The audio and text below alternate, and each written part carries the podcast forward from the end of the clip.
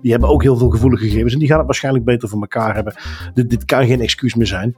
Ehm, ja, ik, laat ik zeggen, de staatssecretaris die met dat rapport naar de Kamer moet in Nederland, daar zou ik me ook niet erg blij mee voelen. Want dan weet je gewoon, ik ga hier nu de komende twee uur uitgekafferd worden waar ik bij sta. Want ja, dit is niet meer te verklaren. Ehm, maar goed, uh, verder weinig over te zeggen, want ja, Belastingdienst kan een Belastingdienst.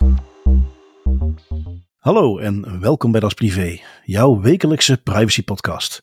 Iedere aflevering praat je bij over het rijlen en zeilen in de wereld van privacy. Digitale spionage, boetes, datalekken, nieuwe technologie, privacy tools, oftewel alles dat er in de week gebeurt in privacyland. Ik ben Bart van Buiten en samen met privacy-paliter Tim van Haren hebben wij het privacy nieuws van deze week gecureerd en eruit gehaald wat er echt toe doet. En wat doet er deze week echt toe? Uh, nog wat deep news en AI. Zijn jullie het al beu, luisteraars? Maar toch, ja, best interessant. Um, tweakers die kondigden aan te stoppen met trackingvrije advertenties en daar kwamen wat reacties op. Altijd leuk om die even te overlopen. Um, supermarkten gebruiken AI om dieven op te sporen. De vorige keer hadden wij Jumbo al aan die dat aankondigde, maar het is er dus al lang. En opnieuw iets om eventjes over te praten. Um, hebt u al gehoord van Twinder? Een uh, soort, uh, ja, hoe moeten we het noemen, Tinder-implementatie op Twitter. Um, en daar valt ook weer van alles over te zeggen. Dan hebben we nog een organisatie die een privé-detectieve inhuurde om een zieke medewerker te volgen. En wat er toen gebeurde.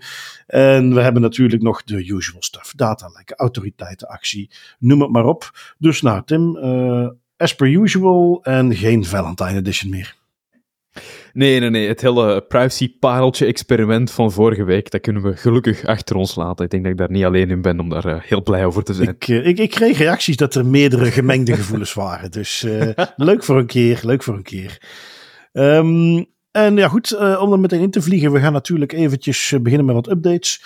Um, artikel op de VRT politie Karma. Dat is een van de politiezones. Ik ben even kwijt welke het precies is, maar wellicht eentje uit Limburg.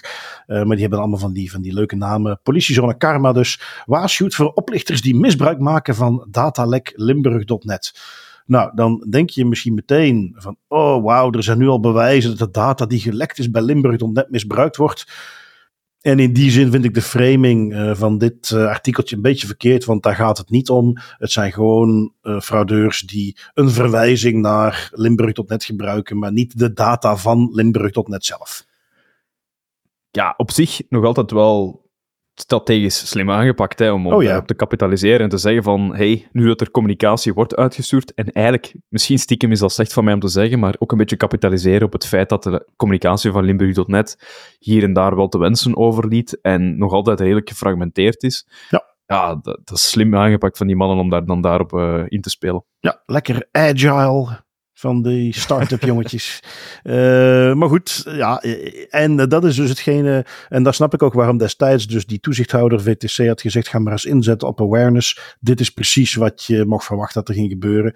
En dat is dus wat je iedereen mee moet geven. Uh, nu goed, ja, bij deze dan ook een stukje awareness. Dat gebeurt dus inderdaad. En uh, wellicht voor onze luisteraars een stuk evidenter dan voor vele anderen, maar dat, ja, daar moet je natuurlijk niet op ingaan. Um, ik uh, heb nog uh, eentje mee en ik gebruik hem eventjes om iets anders te reminden. Um, want we hebben uh, toevallig recent, maar ja, niet, niet heel toevallig, want dit komt gewoon vaak terug. Alles meegegeven dat, dat de kwaliteit van data, het juistheidsbeginsel uit de GDPR, dat is iets wat we toch steeds vaker terug zien komen, hoe belangrijk dat is. wat meer dan vroeger misschien, omdat we nu ja. allerlei herkenning, AI, training, et cetera, et cetera hebben. Garbage in, garbage out, the usual. Um, eentje die ik dan niet als artikeltje apart wil bespreken, maar ik heb nog een voorbeeldje in de show notes meegenomen van een uh, situatie waar uh, een Amsterdammer een deuk heeft in zijn nummerplaat. En vanwege die deuk krijgt iemand anders in uh, een verre regio in Nederland die de Achterhoek heet, krijgt hij de boetes binnen. inhoudelijk valt daar verder relatief weinig over te zeggen. Ja, het is, het is een fout en de gemeente Amsterdam had dat ook beter moeten voorzien. maar benadrukt dus nog maar eens dat, dat aspect van datakwaliteit. Uh, naar aanleiding van mijn, mijn uitspraken was daar iemand die ik ken, die een, een consultancybedrijfje heeft wat specifiek rond datakwaliteit werkt. ook privacy overigens. Um, die had mij mijn oproep gehoord van, goh, misschien een soort opleiding. En die zei, nou, dat, kunnen wij wel regelen. Een, een, een, dagopleiding, speciaal voor privacy professionals, die de basics data governance mee willen krijgen, data kwaliteit beheren, zodat ze daar wat beter advies rond kunnen geven. Um, bij deze dus mijn oproep, als je daar interesse in hebt, want ik uh, wil dat zeker, eigenlijk kan ik dat met hun redelijk makkelijk opzetten. Via Das Privé. Hij gaf zelf ook al aan van kijk, daar wordt dan geen uh, 100% commercieel tarief. Ik bedoel, ik wilde mijn broek niet aan scheuren, maar dat, moet, uh, dat, dat, dat, kunnen we zeker goed in meedenken. Um, en die wil dat organiseren. Die wil dat samen met mij organiseren. Dus als je daar interesse in hebt, laat het me even weten. welk kanaal je ook wilt. Mag altijd via bart.dasprivé.be of op een van de andere manieren. Maar laat me even weten dat je dat zou zien zitten. Dan kan ik even inschatten of, of als wij daar tien mensen of meer hebben die zeggen dat vind ik interessant, nou, dan gaan we dat gewoon organiseren. Dus laat het me even weten. En dan gaan wij te bekijken, hè, dat zal sowieso uh, mei, juni zijn. Um, gaan wij gewoon een dagje zo'n data governance opleiding organiseren. Uh, dus dat lijkt me interessant, laat het dus even weten. Goed, um, gaan we door. Deep Notes hebben we het al heel veel over gehad. En ik, ergens moet ik bijna zeggen, ik vrees dat we het er nog vaker over moeten gaan hebben. Um, ik neem deze als een soort update mee, niet weer heel apart. Uh, maar dat is een studie die is uitgevoerd. Um, een studie, en nu moet ik even kijken, hoe heet het instituut? Het is, uh, ja, het is een afkorting IGVM. Ah, Instituut voor de Gelijkheid van Vrouwen en Mannen. Dat was het ook, alweer. Die hebben daar een onderzoekje laten uitvoeren. Uh, Deep Notes onder Belgische jongeren. Aantallen, de markt, de impact. In de show notes als linkje. Wat, wat cijfertjes. Uh, twee op vijf jongeren en jongvolwassenen geven aan dat ze Deep Note kennen als concept. Um, mannen geven 95 procent uh, significant vaker aan dat ze deep notes kennen dan vrouwen. Um, nee, sorry, dat zeg ik verkeerd. 95% van 45, je kunt de Bart, 45% van de mannen zei dat ze dat kennen. 38% van de vrouwen, dus iets minder schokkend verschil. Maar goed, het rapport geeft dan aan, en als je dat kent van het Instituut voor Gelijkheid van Mannen en Vrouwen, dat ze daar genderongelijkheid in zien. Um, nou, iemand die ooit op het internet is geweest, mag dat niet uh, verrassen. Iemand die ooit gewoon in de samenleving heeft geleefd, mag dat niet verrassen. Uh, ik denk ook rond uh, andere fenomenen zoals porno en zo. Ja, dat is nu eenmaal iets wat meer bij mannen speelt dan bij vrouwen. Lijkt me evolutionair prima te verklaren. Maar goed, bevestigd in dit onderzoek. Um, wat hebben we nog? 1 op 5 van de respondenten. Dan zitten we aan 650 deelnemers. Het totaal van het onderzoekje was eh, bijna 1200. Antwoorden dat ze alles een, eh, een AI-gemanipuleerd naakbeeld hebben gezien. Um, ze hebben dan nog een onderscheid gemaakt met de LGBTQIA gemeenschap. Die was een onderscheid proberen te maken. Ja, is dat daar vaker of niet vaker? Um, nou, ietsjes vaker. Ik, ik, zou bijna zeggen, is dat wel statistisch relevant? Uh, 24,5 versus 23,2. LGBTQIA plus versus de rest. Um, antwoorden op uh, 1 op 10 zegt dan dat ze specifieke DeepNote applicaties kennen. Ter lering en vermaken noemen ze die dan allemaal eventjes op. Dus dat was ook nog wel interessant, mocht je ze nog niet kennen. Um, lang verhaal kort, want eigenlijk was het allemaal open deur na open deur. Eén ding wat ik heel erg miste in heel die studie, is het onderscheid tussen een DeepNote van pak een beet Taylor Swift en een deep note van iemand in je klas, iemand die je kent. Dat onderscheid had ik nou heel interessant gevonden en dat kon ik helemaal niet terugvinden. Caveat, ik heb de volle 70 pagina's niet allemaal gelezen, maar ik heb even, even strategisch zitten zoeken en dat kon ik niet terugvinden. En dat had ik veel interessanter gevonden omdat dat helpt om in te schatten hoe zwaar is dit een sociaal fenomeen waar we iets mee moeten gaan doen. Uh, is dit iets, ik bedoel, met alle, alle ja, respect voor Taylor Swift, maar jij bent nu eenmaal een van de bekendste vrouwen ter wereld. Het spijt me, of het terecht is, uh, laten we even het midden. Maar dan wordt er porno van jou gemaakt. Dat is gewoon de helaas simpele werkelijkheid. Um, moeten we nog steeds allerlei maatregelen tegen nemen. En, en, en natuurlijk, maar, maar dat, dat gaat gewoon gebeuren. Um, is dat echt een, een probleem wat we ook, hè, de deep aan zich, maatschappelijk hard moeten gaan dichttimmeren. Dat is wanneer dat dit uh, schering en inslag wordt op scholen, waarin beelden van meisjes uh, continu rondgestuurd worden die ontkleed zijn. Um, en dat is toch een onderscheid wat ik wel, wel relevant vind. Hè? Waarbij ik opnieuw helemaal niet wil insinueren dat omdat je toevallig een bekende vrouw bent, dat je maar moet accepteren uh, dat dat soort dingen gebeuren. Maar uh, ik denk dat iedereen kan snappen dat er een verschil is tussen dat dat met een van 's werelds bekendste vrouwen gebeurt en tussen dat dat bij ieder schoolmeisje gebeurt. En ja, dat had ik graag teruggezien in het onderzoek.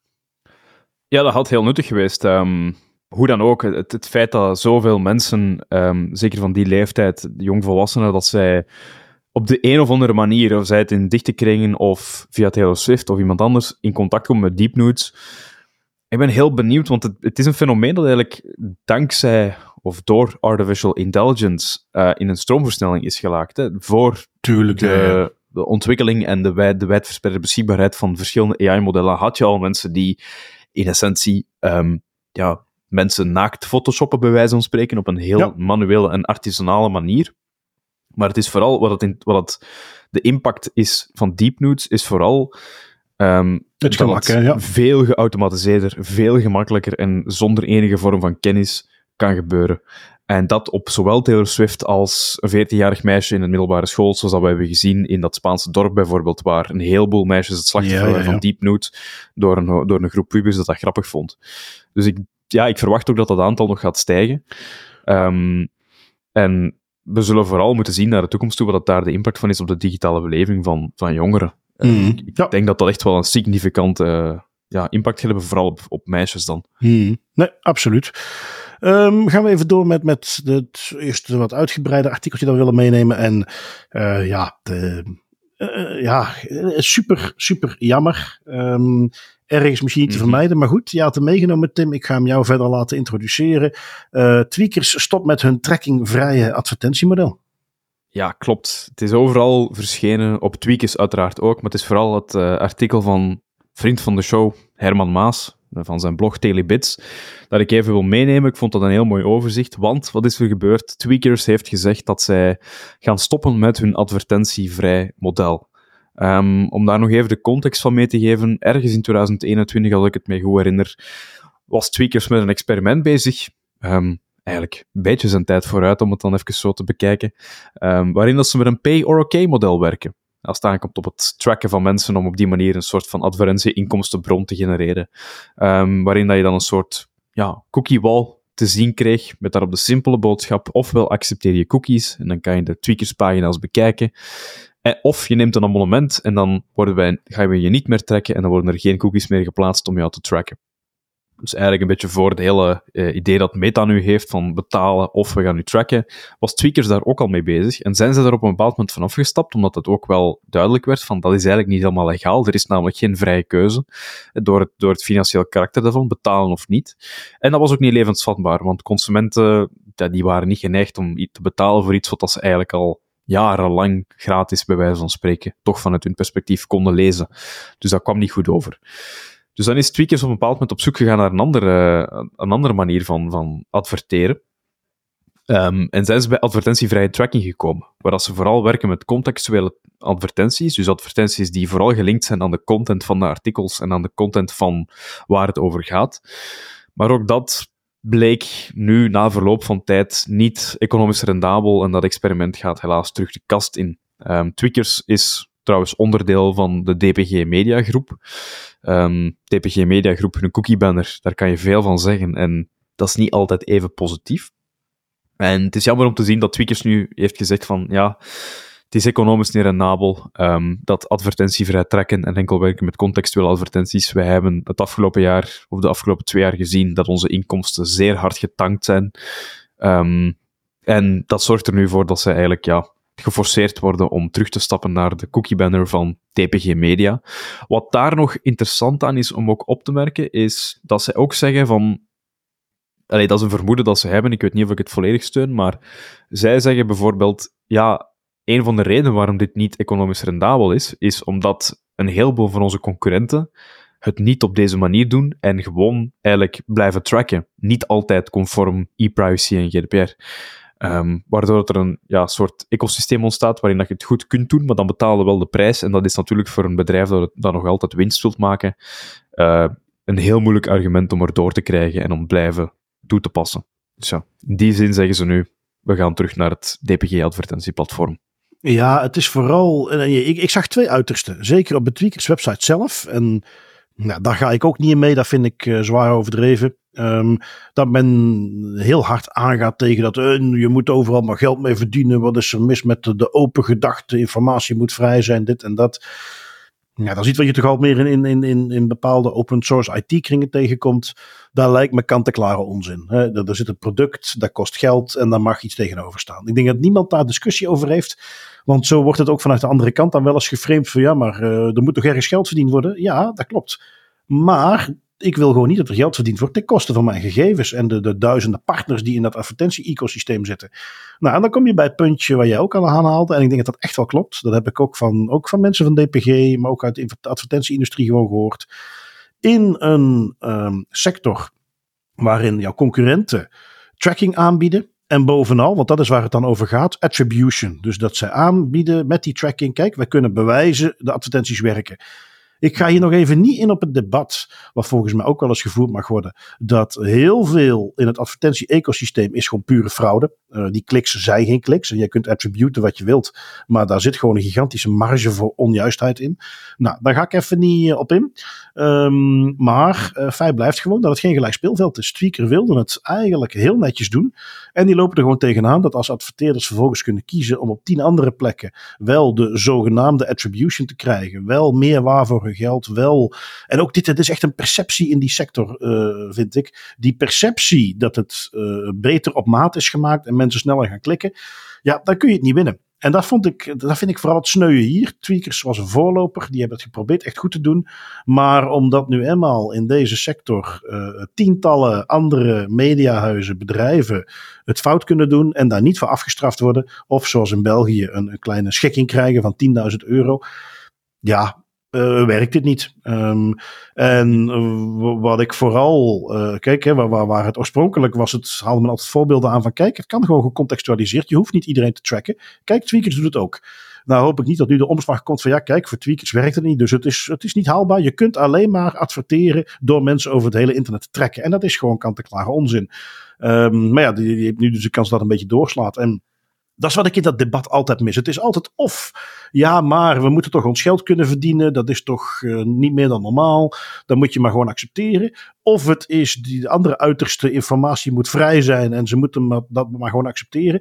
Het zit daar ergens middenin. Waar aan de andere kant ik al helemaal niet wil zeggen: tweakers mag je geld verdienen. Ze mogen reclame laten zien. Maar aan de andere kant dat idee van het kan alleen maar als het tracking reclame is. Um, anders is de business niet rendabel. Dat klopt volgens mij ook niet. Nee, precies. En, en, ja, ik kan het alleen maar ondersteunen en daar nog van zeggen dat in mijn ogen het, het, internet voor een heel groot deel, en zeker nieuwsmedia en hoe dat informatie verspreid wordt, het, het, het is economisch een beetje bankroet. Um, omdat alles nu tegenwoordig vasthangt aan het trackingmodel.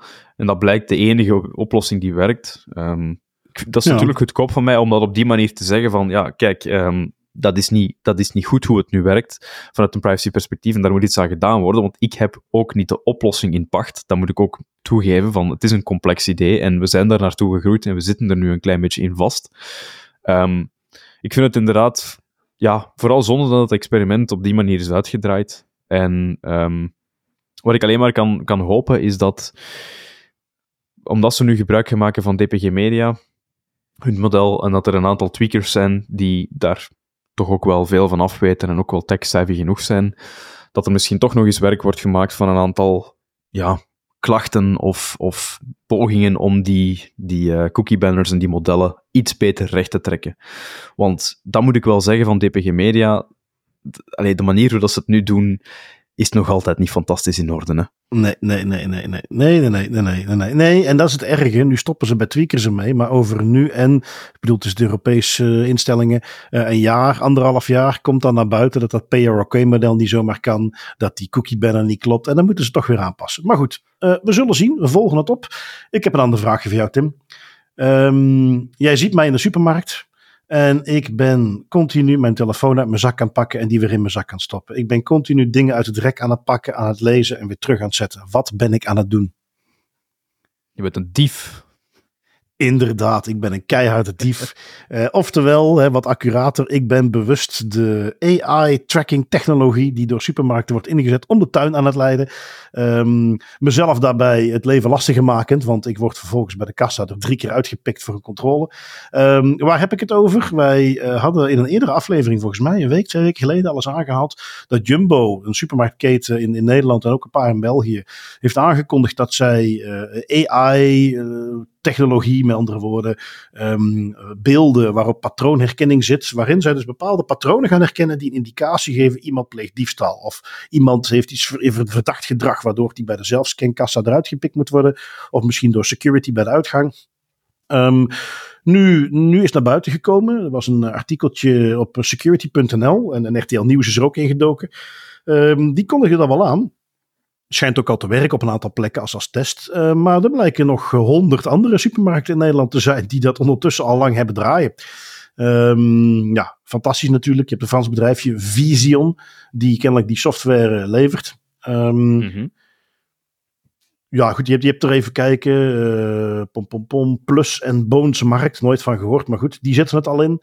Uh, Lidl wil tegenover RTL geen details geven over gevoelige informatie. Uh, Albert Heijn wil ze ook niet laten weten. Um, nu, dit vond ik ook wel een grappige uh, side dingetje. Uh, Lidl, uh, kleine ding, ding, ding. Jij verwerkt persoonsgegevens en dan ben jij verplicht om mensen dat te laten weten. Dus gaan zeggen, wij delen geen gevoelige informatie. Ja, dat is natuurlijk concrete onzin. Als je die ja, technologie precies. toepast, dan ga je dat toch echt moeten gaan vertellen aan mensen dat je dat doet. Dus nou ja, dat is misschien al eventjes een... dat is privé, dat is beter om de nakende boete van een autoriteit te voorkomen. Informeer mensen daarover. Um, Goed, ja, wat, uh, in het artikeltje van security.nl dan nog blijkt. Uh, ze hebben dat wat, wat doorgevraagd. Uh, Vision is dus makkelijk om de tuin te leiden. Die hebben een aantal patronen getraind die uh, wellicht ergens een, link hebben natuurlijk met diefstal, maar die in de praktijk ook gewoon vaak voorkomen. Zoals dus telefoon pakken en weer in je zak stoppen, zoals iets um, uit het rek pakken en weer terugzetten. Want ja, zoals al die modellen, die, die wordt gewoon getraind, die krijgt materiaal gevoed. En op een gegeven moment leert hij van oké, ik heb zoveel gevallen waar ze mij hebben verteld, hier was diefstal. Die analyseert die patronen en die gaat zeggen van oh ja, kijk, in al die gevallen waarin er diefstal was gepleegd, zie ik dit en dit en dit ook terugkomen. En dan gaat nog heel wat training vergen voordat dat ding eindelijk leert dat dat een heleboel false positives zijn. En die gaan ook altijd blijven. Um, ja, je voelt natuurlijk ook al komen. Um, en en, en ja, het is wachten tot dit voor het eerst naar buiten komt. Ik hoop dat de supermarkten Vision uitdrukkelijk hebben gevraagd heb je dat model getraind.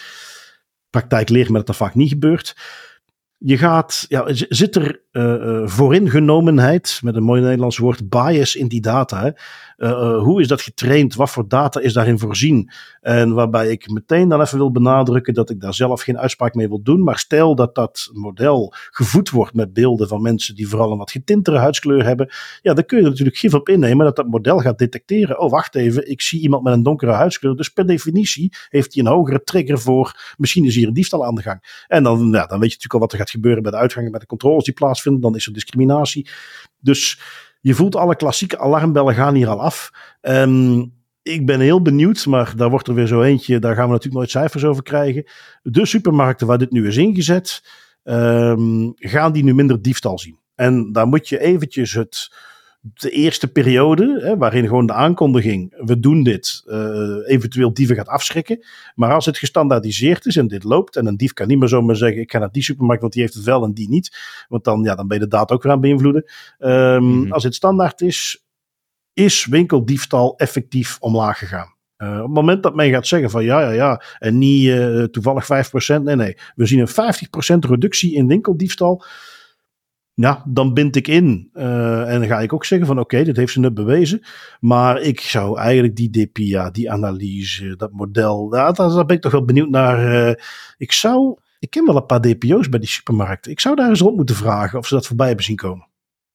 Ja, wat, om daar even op in te haken, inderdaad, wat je zegt van die huidskleuren en die bias. Um, iets wat ook nog interessant is, wat dat zowel door Vision als in een van de artikelen daarover aan bod komt. Er is iemand die ze hebben gecontacteerd van de Technische Universiteit Delft, die daar ook een uitspraak over doet. En die persoon, een zekere Cynthia Lim, die zegt ook, ja, mensen worden niet als verdacht gezien om hoe ze eruit zien, maar omdat een handeling als verdacht is aangemerkt. En dat is goed. Hij zegt, uh, zolang het bedrijf ervoor zorgt dat de software niet naar de persoonskenmerken kijkt, dus huidskleur of haar of whatever, kan het vooroordelen voorkomen. Mm um, ja, ja, inderdaad, tot een zekere mate zou je kunnen zeggen van ja, als we al niet kijken naar huidskleuren en haar en kledij en whatever. Maar zo werken die modellen niet, hè? Uh, dat is het probleem met die modellen dat weet je niet altijd of dat die op die manier werken. Dat is, Precies. Vaak is dat een soort blackbox element. Een heel mooi voorbeeld om de, om de analogie even te maken, dat, dat, wordt, dat wordt schering en inslag als het gaat over artificiële intelligentiemodellen. Dat het blackbox gegeven is een model dat op een bepaald moment getraind werd om wolven te herkennen. Of huskies, het verschil tussen wolven en huskies. Zo'n heel, bekend um, een heel bekend model. En men heeft gezien van, ah ja, oké, dat model kan heel goed zien, dit is een husky en dit is een wolf. En als men dan achteraf ging achterhalen waarom herkent dat model nu eigenlijk exact welke uh, foto's huskies of wolven zijn, dan keek dat model vooral naar de achtergrond van de foto's. Want die huskies waren voornamelijk gefotografeerd in sneeuw. En die wolven ook in bosomgevingen. En dus dat model had gewoon simpelweg de link gelegd. Sneeuw, husky, andere omgevingen, wolf. Dat had niks te maken met hoe dat, dat beest eruit zag. Voor hetzelfde geld is dat hier het geval. Het is, het is heel moeilijk om die dingen te achterhalen. Um, het is heel moeilijk om zo'n model echt transparant te krijgen tot op het punt dat we goed genoeg weten wat het daar aan de hand is. Dus om zo'n uitspraak te doen, zou ik inderdaad ook wel eens willen zien welk onderzoek dat daarnaar gebeurd is om dat te ondersteunen. Want dat is een zeer ja, mooie uitspraak om te doen. Ja, nou ja, kijk, laten we optimistisch zijn. Uh, uh, iedere organisatie die zegt wij gaan een anti-diefstal algoritme in een supermarkt uh, toepassen, die is zich hopelijk meteen bewust van het risico op zoiets. En die heeft daar extra maatregelen tegen genomen. Um, ja, we zullen het zien. We zullen eens kijken of er daar nog wat minder naar buiten komt. Het is nu naar buiten gekomen dat het toch ook op al heel veel plekken in gebruik is. Misschien dat de AP er nog eens op springt. Wie weet dat we daar binnenkort nog wat meer inzicht in krijgen. Um, had je alles gehoord van Twinder, Tim? Tot voor kort niet. Wel, uh, want jij hebt toen even wat onderzoek gedaan en gevonden van ja, dit bestond eigenlijk al in, waar was het? 2018 had iemand het alles gedaan? Ja, klopt. Uh, nu goed, uh, wat is het nu? we hebben een zekere Pieter de Baren. Um, en normaal ben ik wat huiverig om mensen met naam en toenaam te noemen, maar deze jongen heeft het echt verdiend. um, Pieter de Baren dacht, hey, leuk experimentje. en en te, met alle respect voor hem als IT'er, als developer die heeft even een toeltje in elkaar gezet waarin jij um, zijn Twitter-bot, zal ik maar even zeggen, kon jij verbinding laten maken met jouw Twitter-account, zoals je dat op heel veel van die uh, Twitter-bots kunt doen. Die ging dan vervolgens daar al jouw followers uithalen. Jij kon daar dan aangeven op wie heb je een crush. En die ging dan, als iemand jouw crush toevallig hetzelfde had aangegeven, was er een, een match. Een beetje, vandaar natuurlijk de naam, Twinder, Twitter, Tinder. Uh, het idee is, jij uploadt wat dingen, je krijgt feedback en je geeft aan wie je crush hebt. En als die ander ook heeft dan krijg je dat dan terug. Nou, leuk, uh, werd populair. Um, heel wat mensen gebruiken dat. Um, ja, om zo'n ding te draaien, dat, dat kost geld. Uh, Twitter vraagt op een gegeven moment ook geld voor dat soort dingen. Zeker tegenwoordig, dank u Elon Musk. Um, dus wat doet hij ineens, Pieter de Baren? Die zegt, ja, uh, weet je wat, uh, ik ga voortaan toch even publiek de dingen laten zien. Je kunt dan ook een, uh, een, een, een gold abonnement nemen. En die ging ineens een, een monetizing model achter zetten. Waarbij één belangrijk onderdeel, namelijk de anonimiteit, ineens publiek werd gezet. Nou ja, um, internetophef gebeurde natuurlijk. Wordt daar op allerlei manieren aangevallen. Pieter de Baren, ja, je kent het type wel. Dat is zo'n. zo'n uh, en ik ga nu eventjes heel tendentieus mensen even profileren. Maar toch, je kent het type wel. Um, jong, IT'er, move fast, break things. Dat moet toch gewoon kunnen. Maak dat toeltje, maak dan een monetizing model voor. Wordt vervolgens door een aantal mensen terecht aangevallen van hé, hey, dat kun je toch niet zomaar doen. Je hebt niet eens een privacy policy. Je, hebt daar helemaal, je bent daar niet transparant over geweest. Dan gaat hij in de tegenaanval, gaat hij die mensen die hem dan commentaar geven hun eigen website uitspitten. En dan gaat hij zeggen, nee, nee, nee, jij hebt ook geen privacy policy. Natuurlijk volledig voorbij gaat aan het feit dat hij mensen, duizenden mensen heeft voorgelogen en ineens uit het niets die data dan publiek gaat zetten. Uh, ja, maar ja, maar dat kost mij ook geld. Ja, ook hier weer alle begrip voor. Maar dan moet je dat transparant doen. Dan moet je niet ineens van de een op de andere dag dingen die je eerst anoniem zou gaan zetten, ineens gaan publiceren. Um, ja, ik hoop dat ondertussen is het offline. Uh, het werkt niet meer. Uh, ik, ik denk dat de backlash hem toch iets te veel is geworden. Um, ik zou zeggen, Pieter, leer hier even uit. Denk de volgende keer even twee keer na voor je zoiets doet. Want uh, los van alles dat daar een, een creatieve geest in zit en dat die het ongetwijfeld nog ver gaat schoppen, dat geloof ik meteen. Dus uh, laat dit een les zijn. Ja, ja, dat is zeer diplomatisch afgerond, Bart. Uh, wat ik daar nog van kan meegeven is, is ik denk dat de essentie hier vooral is dat, dat doordat dat anonieme laagje wegvalt, ja, is de hele opzet en de pretext van uw, van uw applicatie volledig anders. Het hele idee was net van, ik stuur dat gewoon op en ik kijk, allee, als er iets uit de bus komt, heel cool. Als er niks uit de bus komt, no harm done. Als je dat plotseling dan publiek gaat maken, ja, dan zijn er plotseling heel veel gebruikers die daar misschien op een andere manier naar kijken, naar die manier van werken, of, of hoe dat die data gebruikt wordt voor het matchen van mensen. Uh, en dat is het probleem vooral, dat de hele user experience wordt volledig op zijn gat gezet, omdat er eigenlijk plotseling iemand beslist dat die data, waarvan men eerst had gezegd dit is anoniem, dat dat publiek is. Uh, langs de andere kant, vooral die gebruikers ook een heel wijze les, dat het heel leuk is om al die data en al uw interesses zomaar vrij te geven aan een random dude, tot als die random dude dan beslist om dat allemaal online te zetten. Je geeft die persoon op dat moment wel heel veel macht in handen om uw leven te verzuren of om bepaalde aspecten van uw leven te verzuren. Ja, ja, ja. ja, ja. Dat is ook naar beleving en naar privacy toe iets waar je als, als gebruiker ook een verantwoordelijkheid in hebt. Geef niet zomaar alles af. Nu, uh, gesproken over heel veel data verzamelen en die vervolgens ineens vrij gaan geven.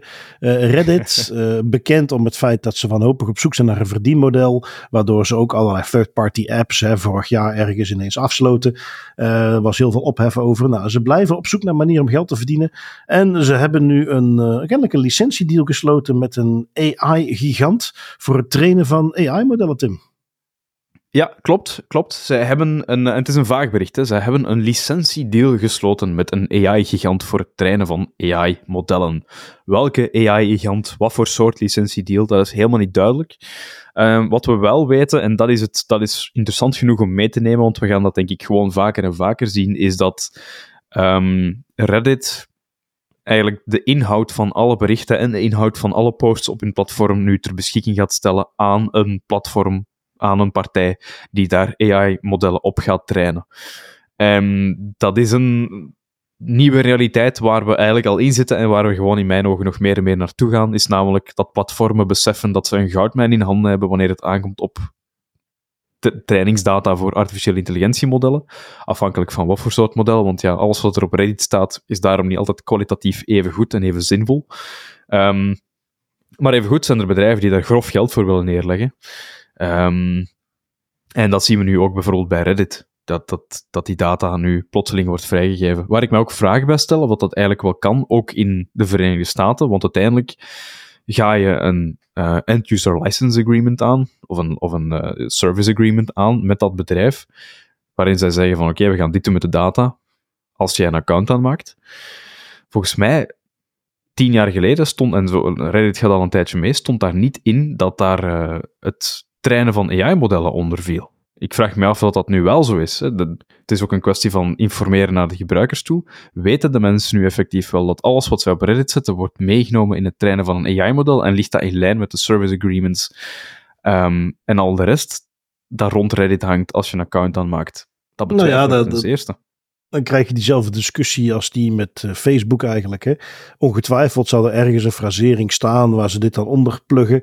Um, maar feit blijft gewoon, uh, jij maakt gebruik van Reddit. Daar zitten bepaalde doeleinden aan waarvoor je dat gebruikt. En als gebruiker was uh, het gebruik van die data om een AI-model te trainen, trainen, stond gewoon niet in die, in die doeleinden.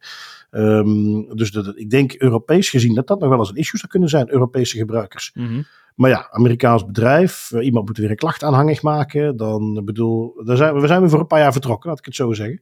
Um, maar wel interessant, want dit, gaan we inderdaad vaker zien. OpenAI begint die kant ook op te bewegen. Die, bepalen, die betalen ook al heel veel nieuwspartijen nu recent uh, geld om kwaliteit te krijgen, omdat ze zelf ook al hebben toegegeven wij kunnen niet zonder dat soort kwalitatieve content. Eh, als wij het van het internet op zich moeten hebben, ja, dan is het AI-model zo dom als wat. Uh, ja, zoals ieder bezoek op het internet iedere dag getuigt. Dus dat uh, kunnen ze niet omheen. Um, en ja, ik ben ook benieuwd trouwens wat dat betekent voor die, die rechtszaak die OpenAI heeft lopen tegen de New York Times. Want eigenlijk met ook de dealtjes die ze zelf nu sluiten en met dit soort deals wordt er eigenlijk toegegeven, we hadden dat gewoon moeten doen en we hebben het niet gedaan. Ik ben benieuwd of dat nog op die manier gaat terugkomen. Um, en ja, ik kan alleen maar meegeven voor uh, Europese organisaties die zo'n idee als dit hebben. Zorg maar dat je eerst van tevoren eventjes een, een campagne opstart waarin je naar de hand kunt laten zien van kijk eens, onze gebruikers hadden dit kunnen weten. En dit past binnen de gewone dienstverlening. Want uh, kijk maar, dit, op die manier hebben we het aangekondigd. En dat is nu zeker nog niet het geval. Um, ja, goed, je kunt als je helemaal full Amerikaans gaat, dat is een artikeltje waar je ook hebt meegenomen, wat hier wat bij aansluit. Um, dan ga je opnames die je voor hele andere doeleinden hebt gedaan, ga je die ook verkopen voor AI-training. Dat is degene die jij nog hebt meegenomen, hè, van die Amerikaanse Universiteit van Michigan, die nu heeft besloten, weet je wat, we gaan gewoon onze opnames van studiegroepjes en uit het kantoor, uh, die gaan we ook maar even verkopen. Dat is iets waar ik wel heel zeker weet dat dat hier in Europa gewoon niet kan. Maar ja, Amerika. Ja, inderdaad. Het was de Universiteit van Michigan en die heeft op een bepaald moment gezegd van wij hebben hier best wel veel interessante data. Audio-opnames van studiegroepen, um, audio-opnames van ja, op de een of andere manier hadden ze dat verzameld, gewoon omgevingsgeluid van kantoorruimtes. Um, waar het niet duidelijk is of het over hun eigen kantoorruimtes gaat, over kantoorruimtes dat ze voor een bepaald onderzoek hebben gebruikt. Het komt erop neer, de universiteit heeft best wel veel audiomateriaal. En heeft dat op een bepaald moment ter beschikking gesteld aan een data broker-achtige organisatie, een third-party vendor, die dat dan op zijn beurt aanbiedt en adverteert als een um, dataset die gebruikt kan worden voor advertentie, voor AI-modellen. En dan zie je bijvoorbeeld ja, op de website van, van die organisatie, uh, Catalyst Research Alliance heet die organisatie, die hmm. verkopen data. Dan zie je daarin staan, um, ja, Academic Speech Dataset. The University of Michigan has recorded 65 speech events from a wide range of academic settings, including lectures, discussions, sections, interviews, office hours, study groups, seminars and student presentations. En dat wordt dan aangeboden aan 15.000 euro, denk ik. Uh, 15, ja, 15.000 dollar, om het zo te zeggen. Okay. Um, om daar gebruik van te kunnen maken om artificiële intelligentiemodellen te trainen. Om maar te zeggen, zelfs universiteiten en iedereen is denk ik een beetje als een soort gold rush daarmee bezig nu. De scramble for digital gold. Hè, van hoe kunnen we eigenlijk onze data gaan marketen op een manier dat dat interessant is voor de mensen die de AI-modellen aan het bouwen zijn. Um, dat zie ik wel heel hard gebeuren, omdat men men heeft die naschok gehad van vooral um, OpenAI met zijn ChatGPT, die van alles zijn beginnen opzuigen. Al dan illegaal, en dat dan vervolgens een model zijn beginnen trainen, en dat model kan best wel wat. Um, zijn er een heleboel poorten dichtgetimmerd. Heel veel journalistieke websites die ook gezegd hebben van we mogen uh, deze artificiële intelligentiemodellen mogen onze content niet meer bereiken en mogen dat zeker niet gebruiken voor taalmodellen. En nu dat de poorten zijn dichtgezet, beseft men van eigenlijk kunnen we dat ook wel gaan vermarkten en kunnen we daar wel nog een aantal dollars uit gaan slaan. En dat zien we nu bijvoorbeeld bij de Universiteit van Michigan. Ja. Ja, en opnieuw laat het dan maar een Amerikaanse universiteiten open om daar uh, geen probleem mee te hebben. Um, gaan we door. Um, situatie, Tim. Jij bent werkgever en jij hebt een, eh, een medewerkster die uh, heel vaak ziek is. En, je hebt er eigenlijk wel serieuze twijfels over. Uh, je bent die recente keer in een tuincentrum tegengekomen, terwijl ze eigenlijk ziek op bed had moeten liggen. En ja, je hebt er toch wat twijfels over. Hoe ga je daarmee om? dat is een goede manier om daarmee om te gaan en dat is een slechte manier om daarmee om te gaan. De slechte manier zal ik aan jou overlaten. De goede manier, ja, ik zou uh, proberen om contact te leggen met die collega om te zien of er geen... Uh, geen ethische oplossing is, waarbij je niet te, te, ver over de schijf gaat. Maar volgens mij is dat niet wat er gebeurt. Hè? Dat is niet wat er gebeurd is. Natuurlijk niet, Tim. Uh, wij willen af en toe wel eens een das privé, das beter meenemen. Maar als dit nu is van nou. En toen heeft de medewerker, of toen heeft de werkgever alle geëikte paden gevolgd in de betreffende procedures. En heeft het netjes afgerond. Ja, waar kunnen we dan over praten? Nee, nee, nee, nee, natuurlijk niet. Je schakelt een privédetectieve in. En je laat die vrouw volgen. En dan krijg je een rapportje. En vervolgens besluit je, aha, ik heb je te grazen. En je ontslaat ze. Um, dat is wat er gebeurd is in, uh, in Nederland. Uh, artikeltje overigens van het Nieuwsblad. Dus die vonden het interessant genoeg om ook gewoon een puur Nederlands fenomeen toch eventjes uh, te gaan benoemen. Um, ik zal nog even kijken of daar meer achtergrondinformatie was. Waar, welke locatie of zo, maar dat, dat kon ik allemaal niet terugvinden. Um, maar men beschrijft eventjes um, situatie februari 2023. ziek, migraineaanvallen, hardnekkige migraineaanvallen. kreeg op de werk al slechte evaluaties de betreffende medewerkster. Had privé moeilijkheden, dus de bedrijfsarts die heeft aangeraden om rust te nemen. ja, de vrouw voelde zich zo slecht dat ze zelf niet meer kon autorijden. De vader moest er af en toe naar kantoor brengen. En ja, die bazin uh, komt hij dus op een gegeven moment een keer tegen in het uh, tuincentrum. Um, je krijgt een foto te zien van, een, van die dame op een tractor pulling event. Dat geeft misschien al een indicatie van de regio waar het gebeurde, want dat kom je in de Randstad niet tegen in ieder geval. um, en goed, voor de bazin is op dat moment de maat vol. Detectivebureau dus. Um, ja, die, die uh, concluderen dat uh, naar de supermarkt gaat, de hond gaat uitladen, lekker gaat fitnessen. Um, en, en dit is waar ik de nuance mee wil geven. Als ook iemand die werkgever is geweest, waarbij ik even heel duidelijk wil zeggen dat ik deze situatie nooit op die manier heb meegemaakt. Uh, mocht iemand zich aangesproken gaan voelen, zeker niet. Uh, maar ik heb verhalen gehoord van um, mensen die, die, ja, zo, die zo iemand te werk moeten stellen Um, die op een gegeven moment, en in Nederland heb je dan nog wetgeving waarin je uh, niet zoals hier in België, na wat is het, een maand of twee maanden is dat pas veranderd. In ieder geval dat iemand op het kosten van de ziekenkast komt uh, voor het grootste deel. Nee, in Nederland betaal je als werkgever twee jaar door. Wet poortwachten heet dat. Um, dat kan dus gigantisch in de papieren lopen. En als je dan iemand hebt waarvan jij, uh, want dat is eigenlijk iets wat hier tussen de regels door wel af te leiden valt waar de ziekmelding toch zwaar overdreven was. Uh, maar goed, daar doe ik eventjes speculatie die ik eigenlijk helemaal niet uh, hoor te weten, kan maken. Maar goed, in ieder geval, um, ergens heb ik sympathie voor de bazin, de werkgever die hier iets mee wil doen. Um, ja, mhm. waar gaan ze volgens de rechter de fout in? Want dat kwam natuurlijk bij de rechter. De rechter die heeft besloten: nee, sorry, je bent veel te extreem en te snel en te drastisch te werk gegaan. Je had in gesprek moeten gaan met de bedrijfsarts.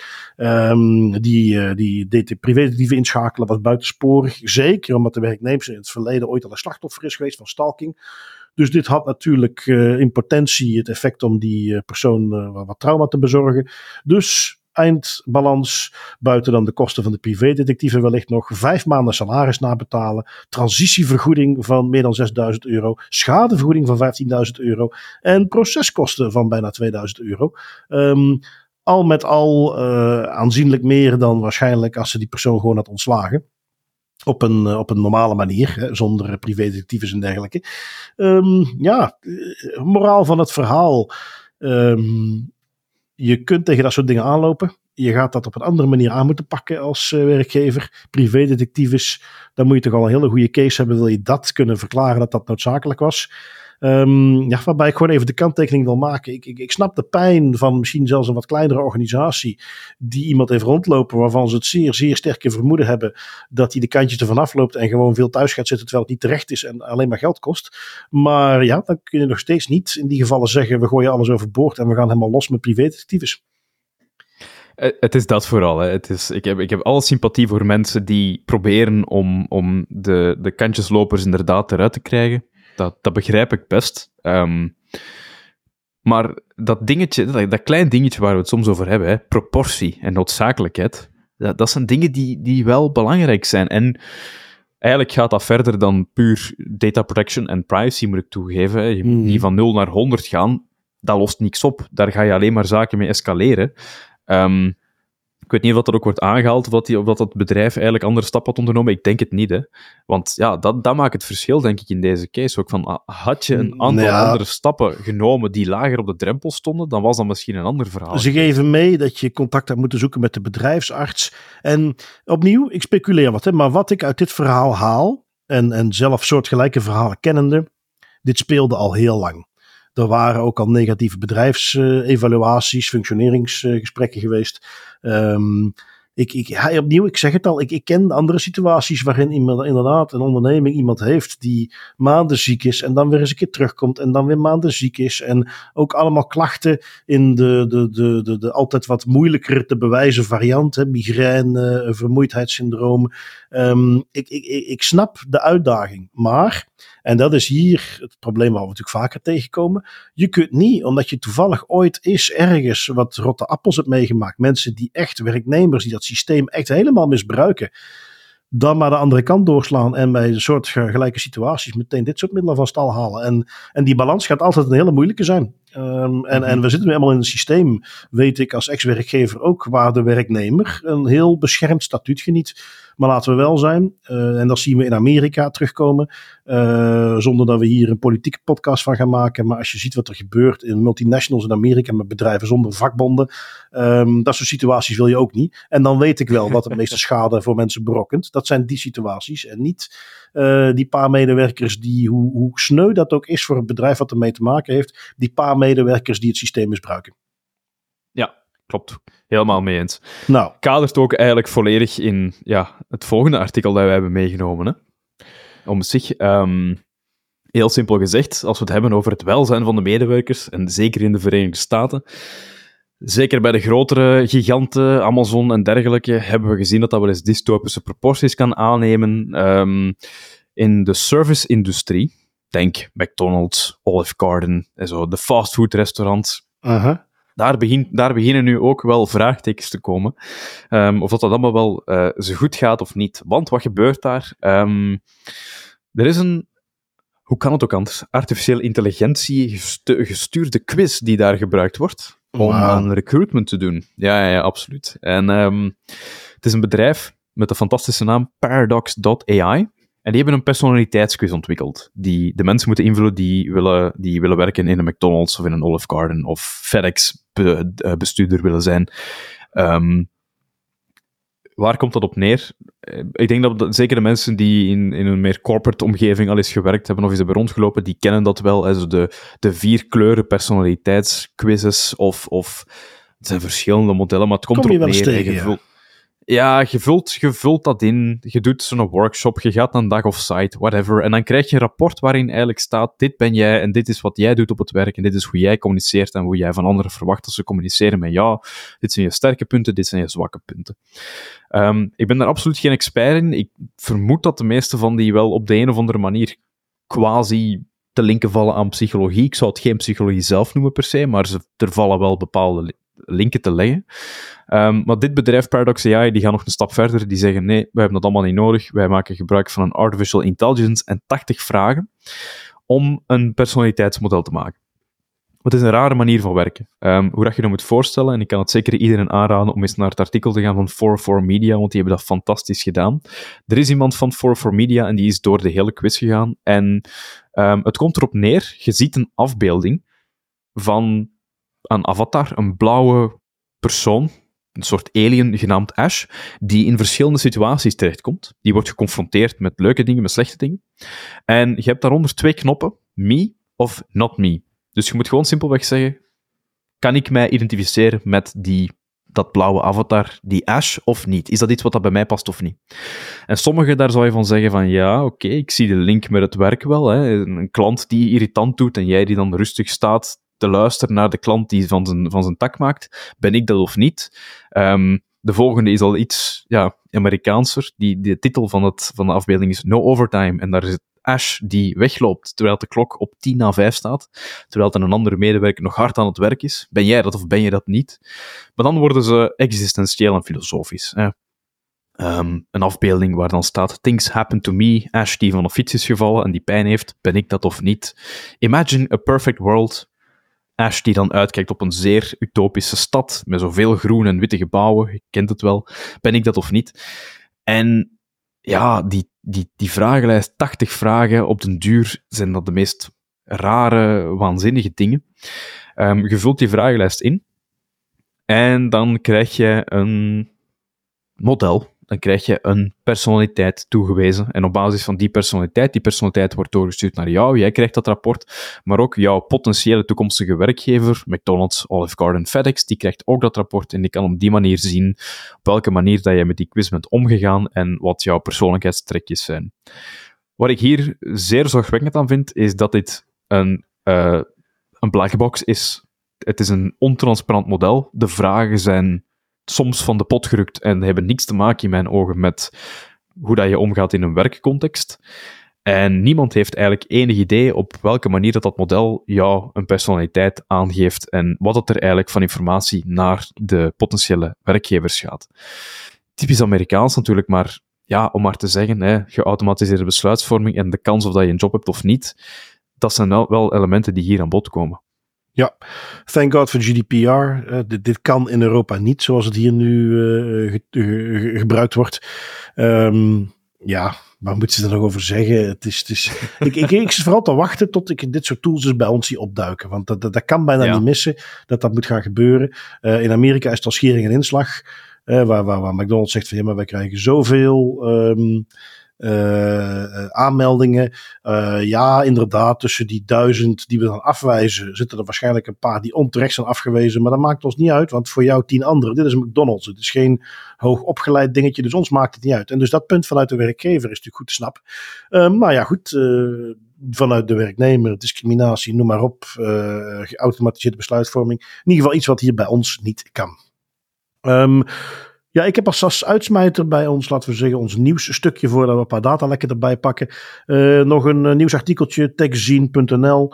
Uh, op zich klein artikeltje gaat over een klein bedrijfje dat zijn GDPR-bedrijfsproces nog niet helemaal op orde heeft.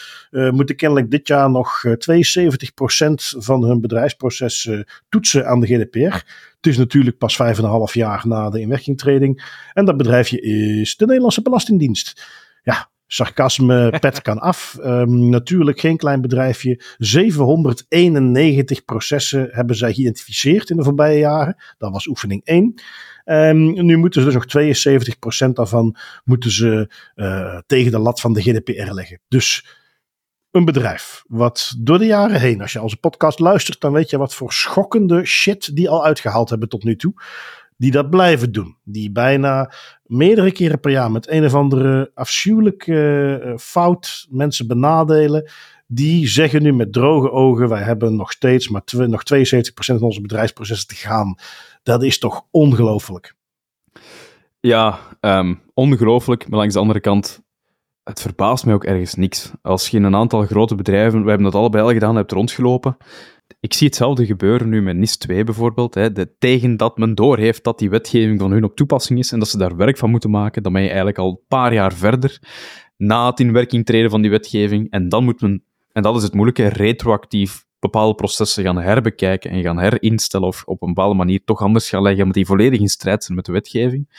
Dan heeft men al dat argument van, maar we doen het al jaren zo. Dat is ontzettend moeilijk om het er dan uit te krijgen, die mentaliteit. En, en dat idee van hoe dat de processen werken. Dus ergens verbaast het mij niks. Um, maar het is natuurlijk wel iets wat we ja, zoveel mogelijk op moeten blijven hameren. Want zeker de Belastingdienst, zeker in Nederland, heeft al een vrij donkere historiek wanneer het aankomt op het verwerken van persoonsgegevens.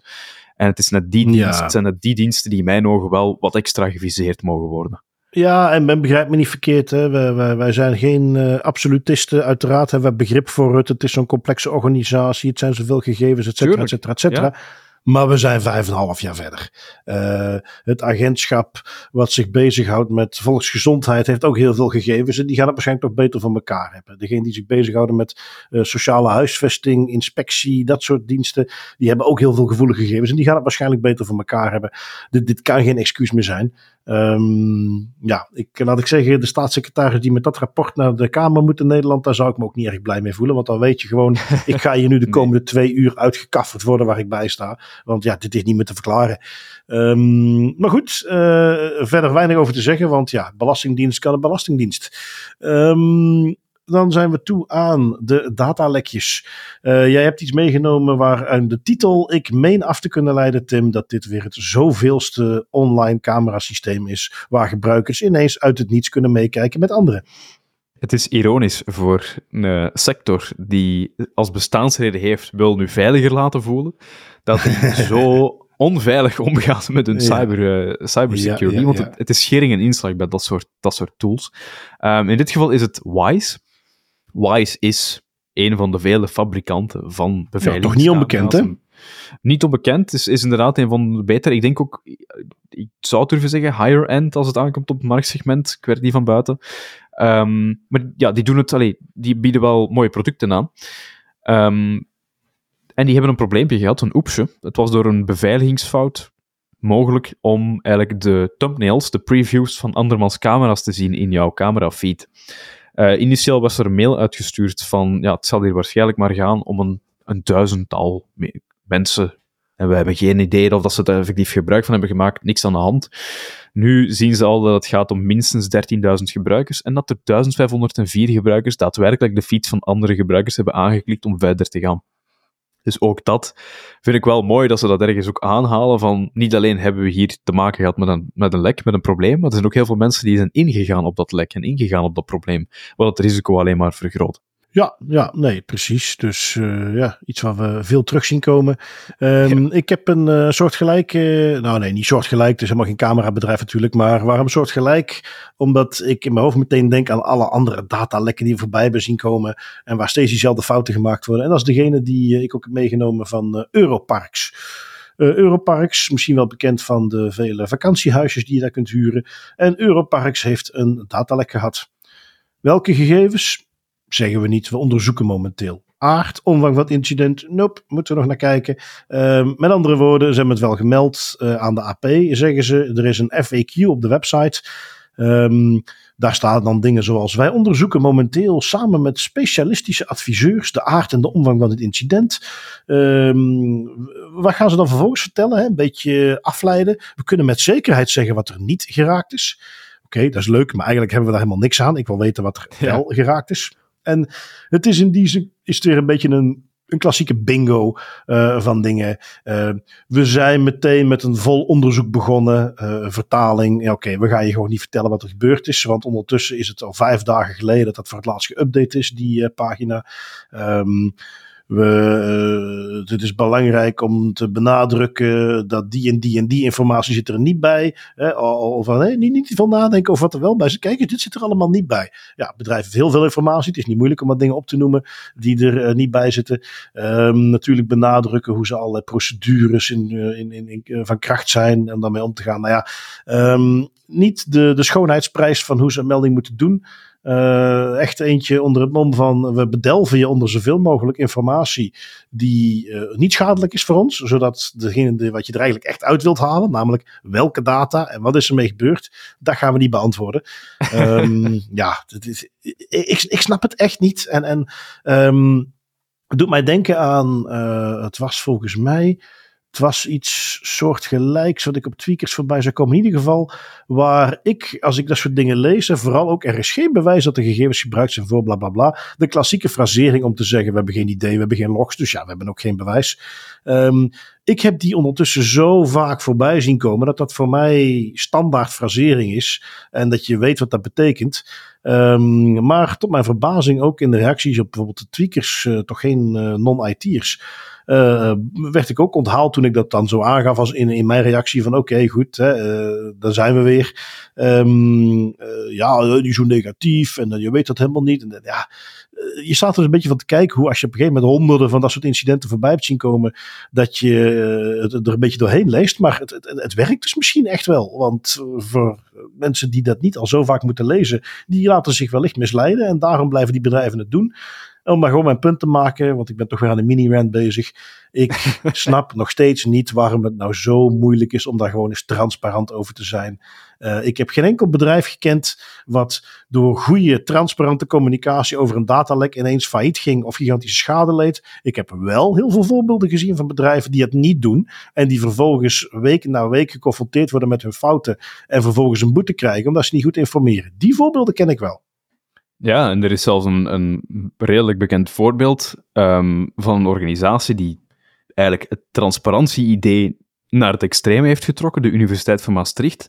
En zelfs het onderzoeksrapport postmortem na, na een data breach die ze hadden gehad, na een hack, online heeft gezet voor iedereen om te lezen. En wordt nu nog altijd meegenomen als, kijk, dit is hoe je het moet doen. Dus qua reputatieschade heb je dat al lang ingehaald. Dus dat kan ook. Um, het enige wat ik daarvan kan zeggen is vanuit mijn eigen. Dit is puur anekdotisch en ik heb geen enkele manier om dat, om dat uh, te, te, ondersteunen buiten mijn eigen persoonlijke ervaringen. Maar ik heb gewoon al heel vaak gezien bij de organisaties waar ik rondloop dat als men te maken heeft met een datalek, dat de DPO of de security officer minimaal of zelfs helemaal niet wordt betrokken bij de communicatie naar buiten toe. En dat dat eigenlijk ja, ertoe leidt dat er een bepaald perspectief naar boven komt in die communicatie vanuit de juridische dienst, vanuit de communicatiedienst, vooral gefocust op cover your ass. En dat het hele idee van, ja maar jongens, we kunnen ook transparant zijn, wat dat eigenlijk traditioneel meer ligt bij vooral de DPO en voor een deel ook information security officers, dat dat gewoon niet wordt meegenomen in die processen. Nee, Onterecht, nee. overigens. Nee, inderdaad, inderdaad. Um, en trouwens, ik heb nog even erbij gezocht, het was Brandfield. Uh, dat is kennelijk een online okay. juwelierswinkel in Nederland. 60.000 klanten die ook uh, vanochtend hun datalek aankondigden. Dus ja, mocht je klant zijn bij Brandfield, dan weet je dat ook weer.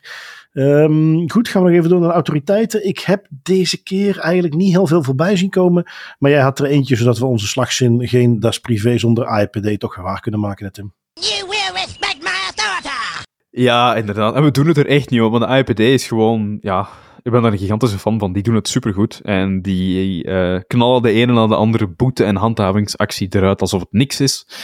Uh, het is ongelooflijk. In dit geval 2,5 miljoen euro voor uh, Open Bank, wat dan een, een Spaanse bank is.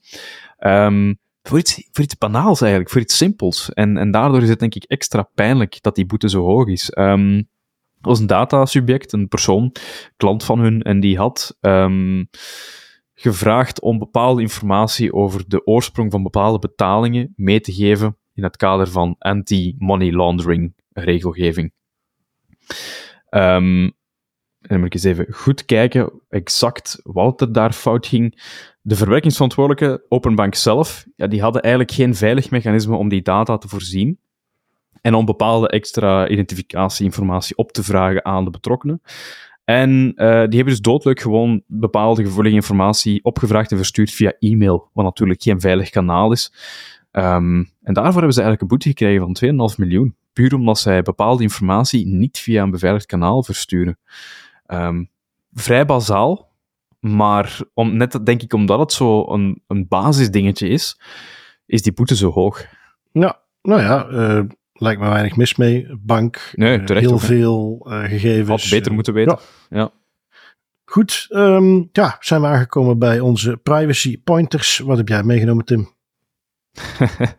ik heb een, een oldie but goldie meegenomen, moet ik toegeven. Het is al best oud en het is al een paar keer aan bod gekomen, hier en daar. Um, maar ik vind hem heel lollig. Het is... Um, er is een app en die heet Calm. En dat het hele idee van Calm is dat je eigenlijk een soort voorleesverhaaltjes kan krijgen om in slaap te vallen. Um, een van die voorleesverhaaltjes is iets anders dan de andere, want dat is een zekere Peter Jefferson, die de hele GDPR-wetgeving voorleest. Op een zeer zachte, rustgevende manier. En die begint artikel per artikel per artikel rustig de GDPR uit te, voor te lezen. Voor alle DPO's zoals mij, die volledig beroepsgedeformeerd zijn, is dit de ideale manier om in slaap te vallen. En voor de rest vind ik het gewoon grappig om het ook eens aan te halen als een soort lollig okay. dingetje. Ik, ik moet toegeven, dit zou mij niet in slaap kunnen krijgen, Tim, want ik ben meteen getriggerd als ik op die link klik. Once upon a GDPR, written by the Council of the European Union. Ah, dat ja. is zo fout. Daar klopt niks van. I know. Ik kan niet meer slapen. Nu, um, ik, um, kleine cop-out. Ik heb iets meegenomen wat ik uh, tegenkwam, wat eigenlijk geen privacy tooltje is, wat gewoon een appje is. Um, er is namelijk iets, toch in ieder geval als ik vanuit de, de Apple ervaren mensen spreek, uh, die zeggen vaak dat uh, alles op hun MacBook of iPhone nu helemaal gewoon werkt en beter werkt. Wel, op MacBooks is er één dingetje wat niet goed werkt. Of waar Windows het standaard beter voor elkaar heeft. Dat heeft te maken met window docking. Dus als jij een schermpje wilt uh, links op je scherm zetten, of rechts op je scherm zetten, of in het midden, of wat dan ook, hè, een verdeling. In Windows heb je daar makkelijker toeltjes voor. standaard ingebouwd. In Apple is dat eigenlijk redelijk beperkt. En de Rectangle app wat een opvolger is van het vroegere Spectacles. Het is ook open source. Uh, je hebt een betaalde versie. Uh, maar de Rectangle app die maakt dat een heel stuk makkelijker. En dat is mijn uh, privacy pointer. Dus niet helemaal privacy van deze week. Um, Tim, dan wil ik jou weer heel erg bedanken om erbij te zijn. En onze luisteraars om weer naar ons te luisteren. En dan doen wij dit volgende week gewoon nog eens opnieuw. Inderdaad, zoals altijd. Met heel veel plezier. En tot volgende week. Tot volgende week.